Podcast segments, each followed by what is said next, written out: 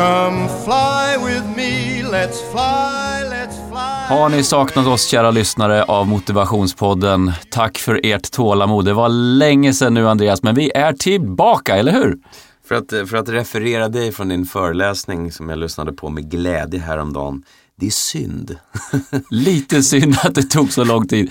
Men eh, hörni, tack ska ni ha. Vi är alltså tillbaka. Det här är Olof Rolander, det är Motivationspodden och Andreas Karlsson. välkomna! Ja, vi är alltså som sagt tillbaka och eh, det är december och vi har inte setts egentligen, du och jag, sen senast vi spelade in. Var det i mars eller någonting? Ja, någonting sånt där. Vi ses över trevliga sms som nästan alltid kommer från ditt håll med fantastiska förslag och jag har skickat något oerhört eh, tråkigt tillbaka. Men idag ska vi både spela in podd och äta en god middag. Det är ju fantastiskt. Och sen var du ju på min föreläsningsshow där i december och det var så roligt att du var med på den för att du är ju en del i den. Och du är ju med i introt bland annat. Och för er lyssnare som inte vet vad vi pratar om nu så är det alltså en eh, man kan hålla föreläsning men man kan också göra föreläsningsshow. Och jag la till det där då, andra ordet föreläsningsshow i en, eh, eh någonting som heter då njutarbeta. Kombinationen av business with pleasure istället för business before pleasure. Eh, Så njutarbeta var det vi, den här showen handlade om och då hjälpte du- du till och spelade in ett videoklipp där, kommer du ihåg det? Ja men alltså det var det som slog mig när jag såg den här äh, showen och det här är ju någonting som du själv har, det är en unik genre faktiskt, slog det mig när jag tittade på den. Och um, jag hade ju svårt att förstå hur det här klippet skulle komma in och för er som lyssnar då kan jag berätta att jag, Niklas Wahlgren och Rickard Herrey eh, för alla som är födda på 70-tal, uppväxt 80-tal, så har ju Rickard Herrey någon speciell plats. Så där. Det känns lite, all, lite märkligt alltid när han är med. Man kommer ihåg honom från tidningen Okej, etc. Men hur som helst, så att vi gjorde ju, ni gjorde en dansövning, den var jag som tur var inte med på för då hade alla gått ifrån njutarbetet innan det ens hade börjat. Men, men, eh, ja, men det var kul. Det startade där med en intervju att du inte var speciellt motiverad över att ens gå på scenen. Och hur det passade in i den här showen var ju, ja, det var kul att se. Jag är så glad att du var där. Det var ju mycket folk, Maximteatern och det var en del i faktiskt det vi ska prata om idag också, det här med att, att ibland får man gå all in. Va? Det är då och då får man sätta något på spel, göra det viktigt, eh, liksom, eh, få det här pirret i magen. Och det behöver man göra någon gång då och då av, skulle jag säga, nästan hälsomässiga skäl. Alltså det, det är uppfriskande att eh, göra den typen av utmaning. Och för mig var det där i december att liksom, verkligen satsa och, och ha hela gänget där och jätteroligt. Återigen, och jätteglad att du var där i och med att vi är ju kollegor nu för tiden och det är ett par år sedan faktiskt vi, du debuterade på, på scenen. Något skakig som Bambi på hal is så blev jag anförtrodd här av, av Olof att eh, värma upp. Och det var ju liksom ett, ett rent publikt självmord sådär. Men någonstans så fanns det någonting litet som jag såg att publiken hängde upp sig på och jag hittade någon trygghet i. Så att nu har det blivit, det inte tusentals föreläsningar men det är nog hundra någonting. Ja, det är helt otroligt. Och, nej, men det känns väldigt, väldigt roligt. Men jag skulle vilja eh, stanna till vid någonting i den här njutarbetershowen som jag tycker gjorde den så otroligt unik. Och det var din paus runt din pappa. Eh, och det var, det var nästan svårt för mig att, att hålla den, den episoden, liksom, känslorna i schack. Men det handlar om någonting som jag slutar mina föreläsningar med. Och jag brukar säga njut av vägen. Man vet kanske aldrig när man har nått målet och framförallt man märker ju aldrig målet för man flyttar det hela tiden framför sig. Och det som blev tydligt där med din pappa var ju att han var ju en naturälskare av rang. Som eh, förvisso levde i stunden med råge, skrev eh, otroliga dagböcker men eh, tittade hela tiden framåt och planerade väldigt mycket hur det här skulle bli och sådär. Och jag förstod att din poäng med att visa det där är ett viktigt att man vet aldrig när man gör någonting för sista gången. Och att det är viktigt att, att försöka verkligen ta in allting. Och det är, som motivationsföreläsare själv så reflekterar man ju ofta över eh, lever man som man lär? Och eh, kanske konstigt att jag lagt den där uh, sliden sist i mitt föredrag men Eller så är det för att påminna mig själv ständigt att försöka njuta mycket mer av allting som man upplever. Och där tycker jag du är fantastiskt bra på, på alla dess sätt att ta in det här. När showen hette Njutarbete, Olof, när du kommer ut så är det, ja men det finns ingen annan som kan prata om det här som du. Det var så intressant, eh, I, igår så satt jag med några vänner och eh, då berättade jag för dem att jag säger ofta nej till saker och ting. Och de blev så här, va? Nej men inte du, du är ju väldigt så här bejakande, du säger ju ja till allt. Nej, så det gör jag inte alls utan jag säger ja till det som har koppling till återigen det här business with pleasure, njutarbete då. För att där tror jag att du och möjligtvis skiljer oss åt. Jag upplever att du är, du är väldigt mycket i farten, du är i rörelse. Vi har pratat om det i tidigare avsnitt också, att du är alltid på väg någonstans. Och det upplever jag att jag är också. Men, men där sätter jag någonstans, prioriterar mycket hårdare min tid än vad de andra gjorde vid bordet. De var då att säga att de var liksom mera fladdriga om man säger så. Då. Att, ja, det där verkar kul och så är de med där och det där verkar kul och så är, det, är de med där. Medan jag då någonstans nästan som en, en, en häst med sådana här, vad heter det, de här lapparna de har. Rygglappar. Ja, sådana som bara ska se rakt fram så. Mm. Och det gör, det gör jag för att, för att jag ska ha den här möjligheten att eh, kunna betrakta saker och ting också. Eh, och, och, blir det för mycket grejer och för mycket stök utöver det man redan gör, då, då sliter det. Och det var så också spännande vid det här bordet då, igår, så berättar alla att jobbet var inte något större problem, men det var när man jobbar mycket och så händer något privat. Typ som då med min far där, eller i deras fall fanns det också ja, men sjukdomar och saker som händer runt omkring. Ligger du redan då på en hög arbetsbelastning, då kräver det att det är balans runt omkring, att det är lugn och ro i, i det, på den privata sfären.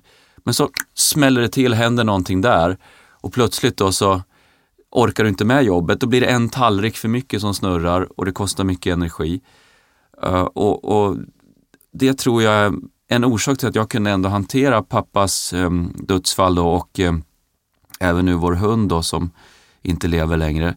Eh, två sådana tunga grejer som har liksom skett det här året. Eh, så, så, har jag ändå kunnat hantera det tror jag på grund av att jag inte har sagt ja till allt utan varit ganska prioriterad med min tid. Um, kan du relatera någonting till det här med, med om, om du har, låt säga att du har en hög arbetsbelastning, du vill någonting, du är motiverad, du vill köra och sen plötsligt så sker det ytterligare någonting. Så blir det som att nästan alla tallrikar åker i backen. Om inte man har liksom redan en buffert för det. Mm. Jo, men det tror jag är helt sant och, och jag måste göra en parentes där. Malte, mm. din hund som eh, till och med har signerat böcker. Mm. Um, fin vän, det beklagar jag. Um, nej, men jag tycker jag gör alldeles för mycket helt enkelt och mitt stora, stora livsmål är att bara göra en sak som verkligen uppfyller mig. Eh, och sen så kanske man kryddar det med någonting annat men just nu är det för många saker som inte uppfyller mig helt. Så att jag liksom känner som jag jobbar lite mm, 85% med många olika saker. Och då menar jag inte arbetsinsatsen utan jag menar vad jag känner att jag får tillbaka. Och där tror jag att du är väldigt bra på att sortera ut det som är riktigt, riktigt viktigt. Och eh, det kunde man också känna igen i, i, i, i din pappa, att ni båda är väldigt organiserade. Eh, för er som inte har sett njutarbetningsshowen så eh, har Olofs pappa en, en dagbok där han bokför eller berättar allting som händer. Och den renskriver han till och med när han kommer hem för mm. att efterlämna sig något lite mer ännu organiserat mm. än vad som förmodligen skrevs där uppe på fjället.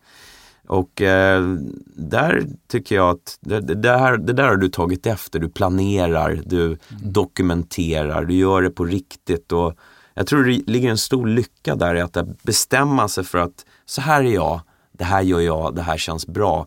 Och ju tidigare man kan ringa in precis det, desto, desto snabbare kan man faktiskt få saker gjorda. Jag är lite för spretig.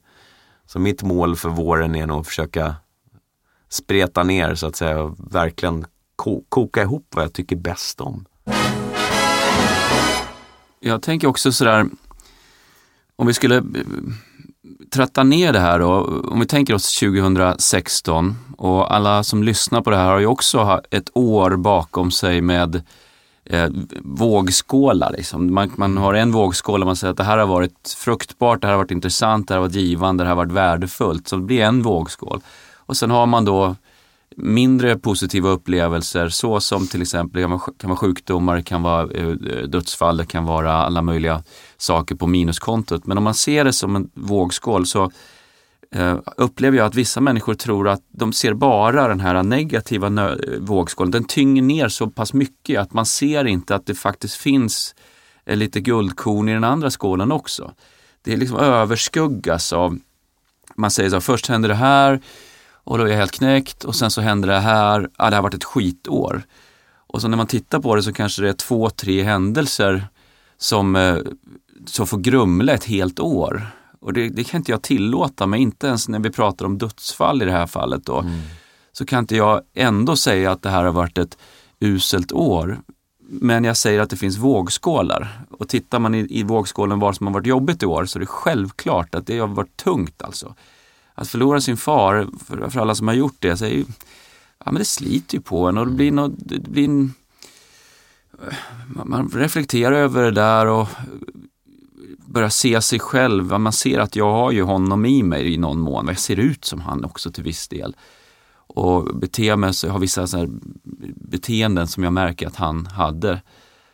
Och um, ja, men jag höll ju tal på hans begravning och lite sådana här saker. Va? Så det, finns ju där. Och sen Malte då, eh, vår kära lille border terrier som har varit med i 11 år.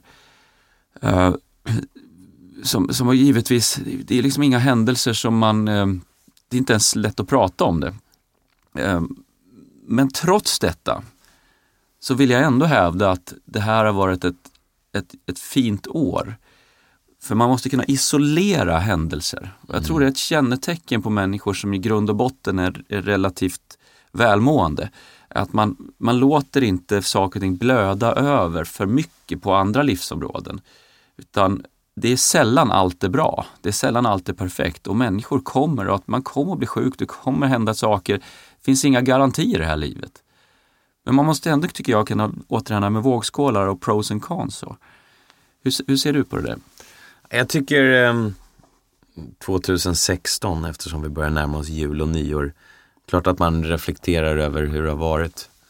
Eh, men jag tycker att det har varit ett, på många sätt har det, precis som du säger, också gått igenom en del um, lite tuffa grejer. Men jag hade faktiskt en rätt bra vändning i somras. När jag började liksom nästan kunna konkretisera total lycka. Eh, I de absolut mest enkla sakerna. Det var så att man kunde se skönheten i i naturen och känna glädjen över måndagen och eh, vara så glad över att man har så fina vänner som man får äta en bit mat med. Den här sanna lyckan som egentligen är den stora drivkraften för livet om man lyckas fånga in den. Och eh, det känns ju så naturligt så många gånger men jag tycker att genom mitt liv så har jag på många sätt liksom skjutit det där åt sidan. Ungefär som det är någonting som jag tar tag i lite senare.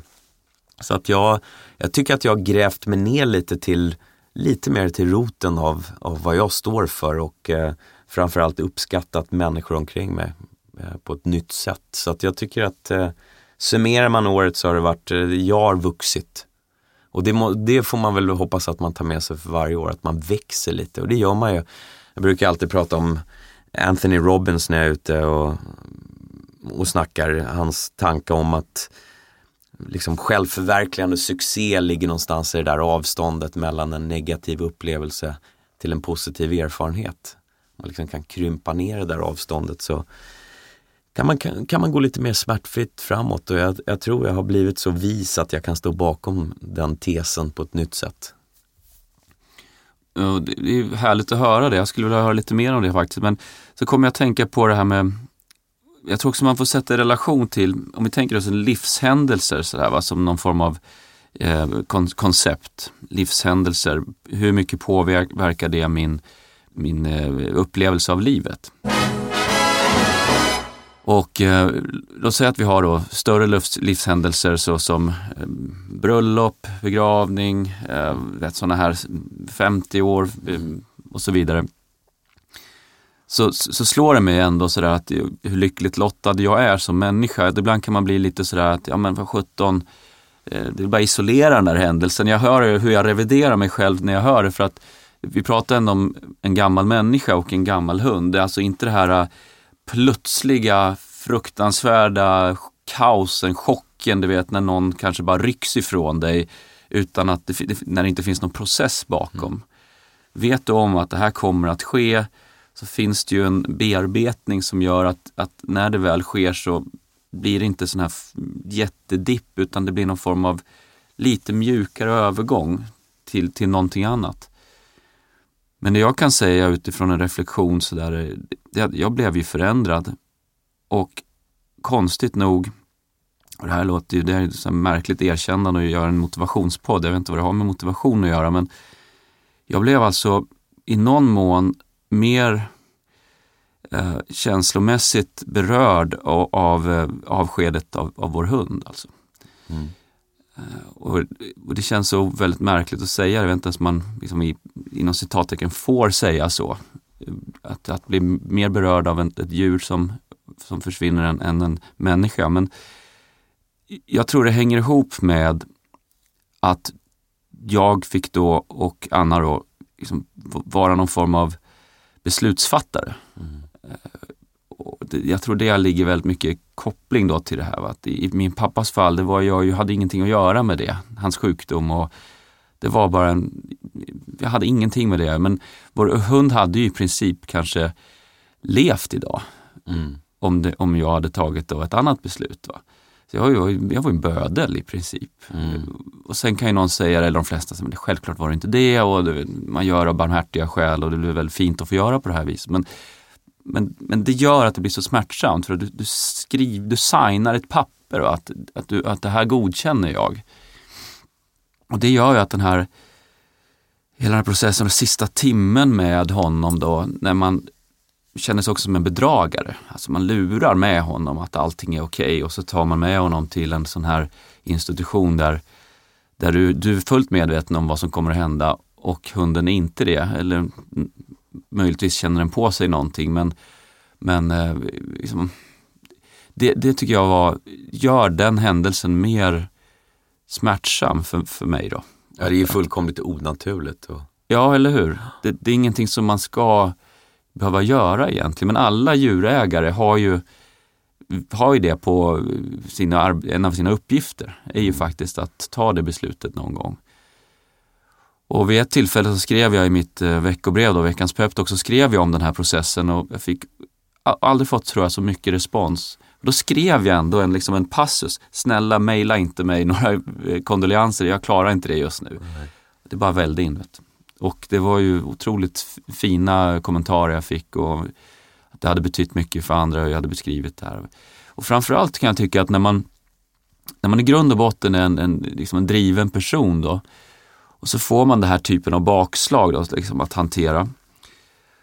Och så kom vi ut då, liksom, det, var som, det som var så otroligt märkligt när man kommer ut och, och, och det här har skett och så märker man att livet bara pågår där ute det är ingen som jag har gjort någon notis om det här, va? utan där går de och garvar och där nere på stan är det någon som går och kollar efter kläder och någon går och snackar i telefon och man bara, vad va fasen, har inte alla svart sorgeband på sig? Mm, mm. Det är ju sorg va?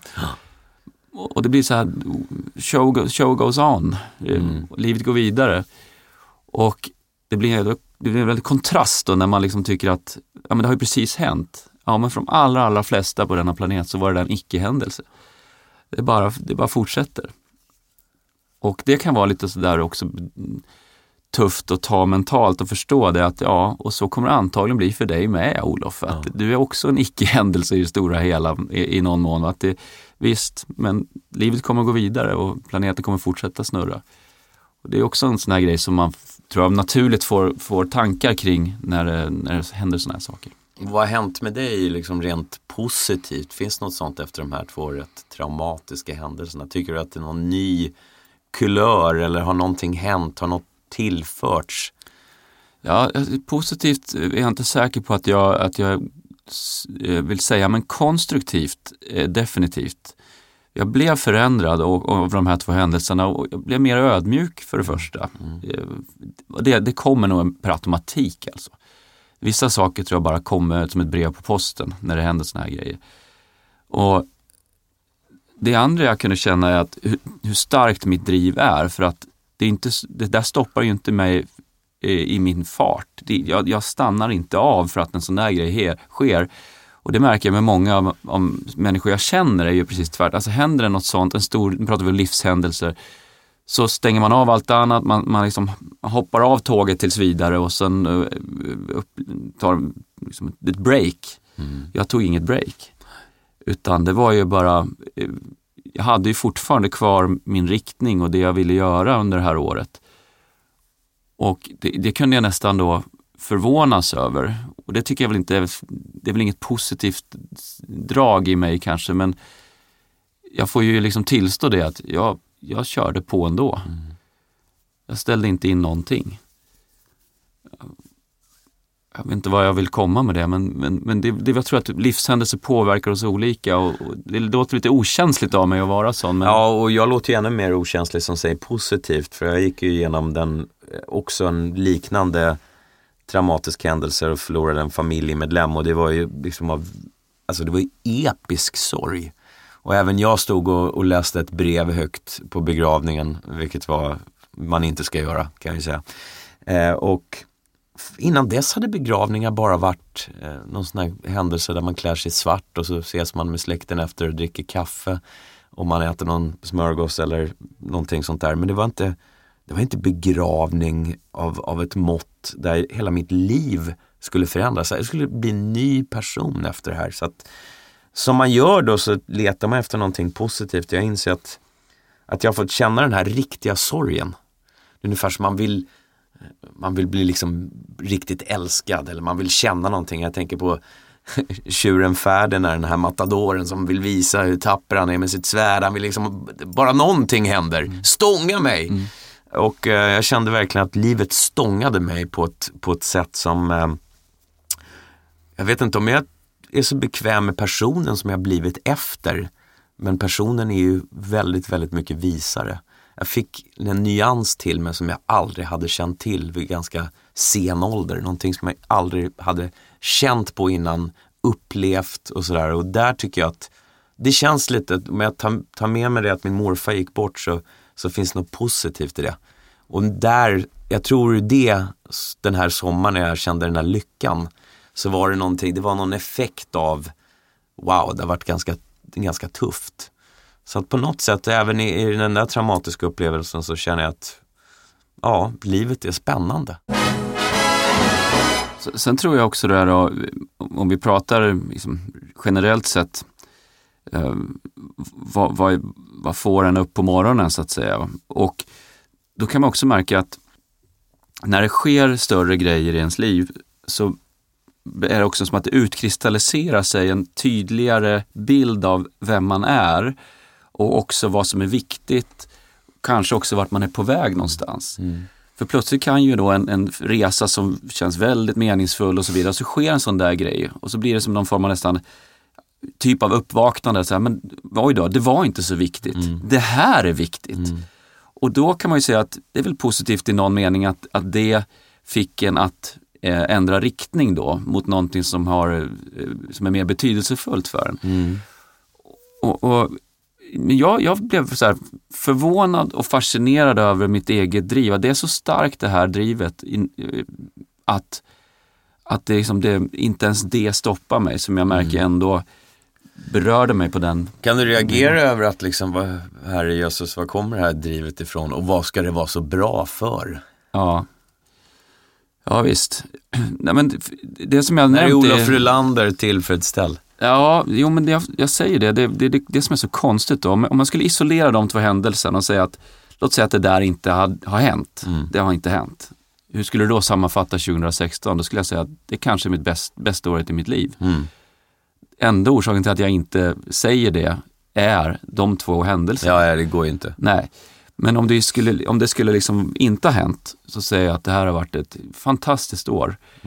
Och jag tänkte jag ska dela med mig ett par tankar jag har kring det här, var, varför det blev så bra. Jag tror att, att det kan tillföra lyssnarna en del, Mm. jag har ett par idéer om vad, vad sjutton hände. Och, eh, för det har inte bara varit någon form av tärningskastande eller slumpmässig generator i det där, utan jag tog ett antal beslut för ett år sedan. Stora beslut. Ja, jag har ja. satt med dig på Grand Hotel och Ja, du berättade om den här äh, tanken för showen och, och, och tittade lite frågande på mig om du hade liksom gått överstyr eh, när du skulle anställa folk och, och du höll på med rekvisita och saker som jag förstod var ganska långt utanför eh, någon form av comfort zone.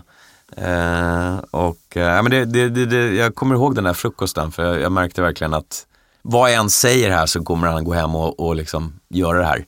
Och då hade du, då hade du eh, satt upp någon form av workstation på något hotell. Jag kommer ihåg att du var på gång och skulle göra det här. Men du letade lite efter bekräftelse men jag tyckte att det var liksom wow, go for it. Så berätta.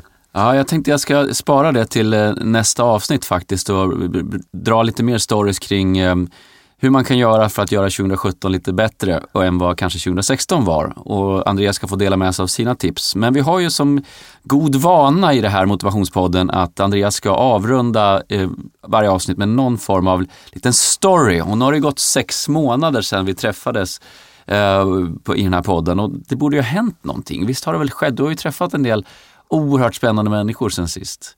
Eh, eh, kan jag dra någonting ur dig tro? I normala fall så brukar ju Andreas Karlsson ha den goda vanan att, att berätta en rolig historia på slutet om någonting han har varit med om sådär eh, i sin värld där ute som är så himla roligt att lyssna till. Men jag tänkte att jag skulle berätta en liten kort story idag om någonting som jag, hade, eh, som jag varit med om. Eh, som har lite koppling till eh, Nobelfesten. Eh, jag var inte med på Nobelfesten, det är ju obegripligt, men eh, i alla fall, jag var inte där. Men det hände ju en grej där som jag, för att avrunda avsnittet då, så, och tack kära lyssnare för att ni har hängt med oss. Jag vet inte om det har varit så peppigt den här gången, men det, det ingår i livet att prata om eh, högt och lågt och det tycker vi att vi ska försöka behålla den typen av nivå på, på, showen, på showen. Apropå showen då, så när det var den här stora grejen då när Andreas var med så njutarbete har en väldigt svår del i sig. Det är nämligen att presentationen då, keynoten, är så väldigt avancerad och utan den kan jag inte göra showen helt enkelt. Och i den ligger då ett antal filmklipp och annat, bland annat och här då där Andreas är med och sådär. Och det har funkat i princip klockrent under hela våren och hela hösten och det har varit utsålt. Det har varit så himla roligt det här. Och så skulle vi då köra klimax, liksom höstavslutning, Maximteatern. Det var Bindefält, det var fotovägg, det var vin och det var, men du vet allting. Alla är där typ. Och så sätter vi igång och för första gången funkar ju inte grejerna. Det, det är något fel på ljudet. Så vi får inte igång ljudet. Och då får vi börja om presentationen och så funkar inte nu heller, så får vi börja om igen, funkar inte nu heller. Till slut får alltså min bror hämta datorn och sätta sig in i logen medan då det sitter full salong och väntar, vad är det som händer liksom? På med pausmusik och så visar det sig att min kära bror, som är helt suverän, Janne då, han är ju normalt sett en, en klassisk så här 100% alltså han ordning och reda, löning på fred. Han är ännu mer som min far. Han har då, innan vi ska sätta igång, så har han gjort en kopia på presentationen för att ifall det strular, säger han, så har vi en kopia. Den kopian ligger sen och tuggar i datorn. Eh, det är den som gör att inte presentationen funkar. Så han måste då lyfta ur den kopian, vilket när han kom ju på det här, så smart han är. Va? Så han har lyft ur den så funkar presentationen igen. Men det var så spännande just att någons ordningssinne för första gången blir till en nackdel. Jag då som inte är lika styrd av, alltså jag behöver inte kolla, jag kollar inte sådana här grejer så noga utan det, det är lite så. Eh, och det, det blev sån tragikomik kring det här så han löste det åt mig. Och då, då har jag ju en grej i showen där jag säger som jag pratar om, lite synd. Det är alltid lite synd. Va? Synd att inte det där funkade. Och det var så skönt att ha den i showen och godisregnet och allt det här. va. För er som inte har varit där, jag kommer till Maximteater, förlåt mig, jag kommer till Oscarsteatern 20 mars. Då kan man se den här eh, njutarbeta. Och 21 mars i, eh, på Lisebergsteatern i Göteborg. Så det blev liksom en kul grej, va? att det var lite synd att inte allt funkar, men man ska inte haka upp sig på det. Samtidigt blir det det som gör att man då minns det hela, för det blir en annan anspänning. Och då kommer jag till slutklämmen. Patti Smith, A Hard Rain's Gonna Fall.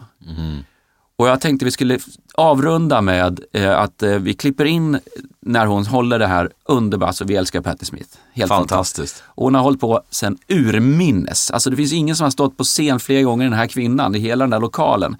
Men ibland blir det fel. Och det kan vändas till en egen fördel. Kära lyssnare, kom ihåg det. Misstag kan vändas till bränsle, kan bli någonting minnesvärt. Det är det som är kärnan i hela den här podden och vår livsinställning. Att du kan inte undvika allting. Det kommer att ske grejer. Det kommer att bli tuffa upplevelser.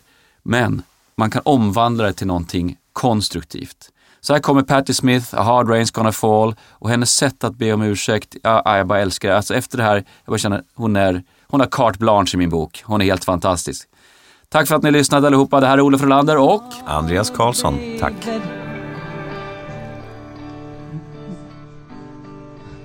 I'm sorry. Earth, salt, and sorry. I'm sorry. Could we start that section?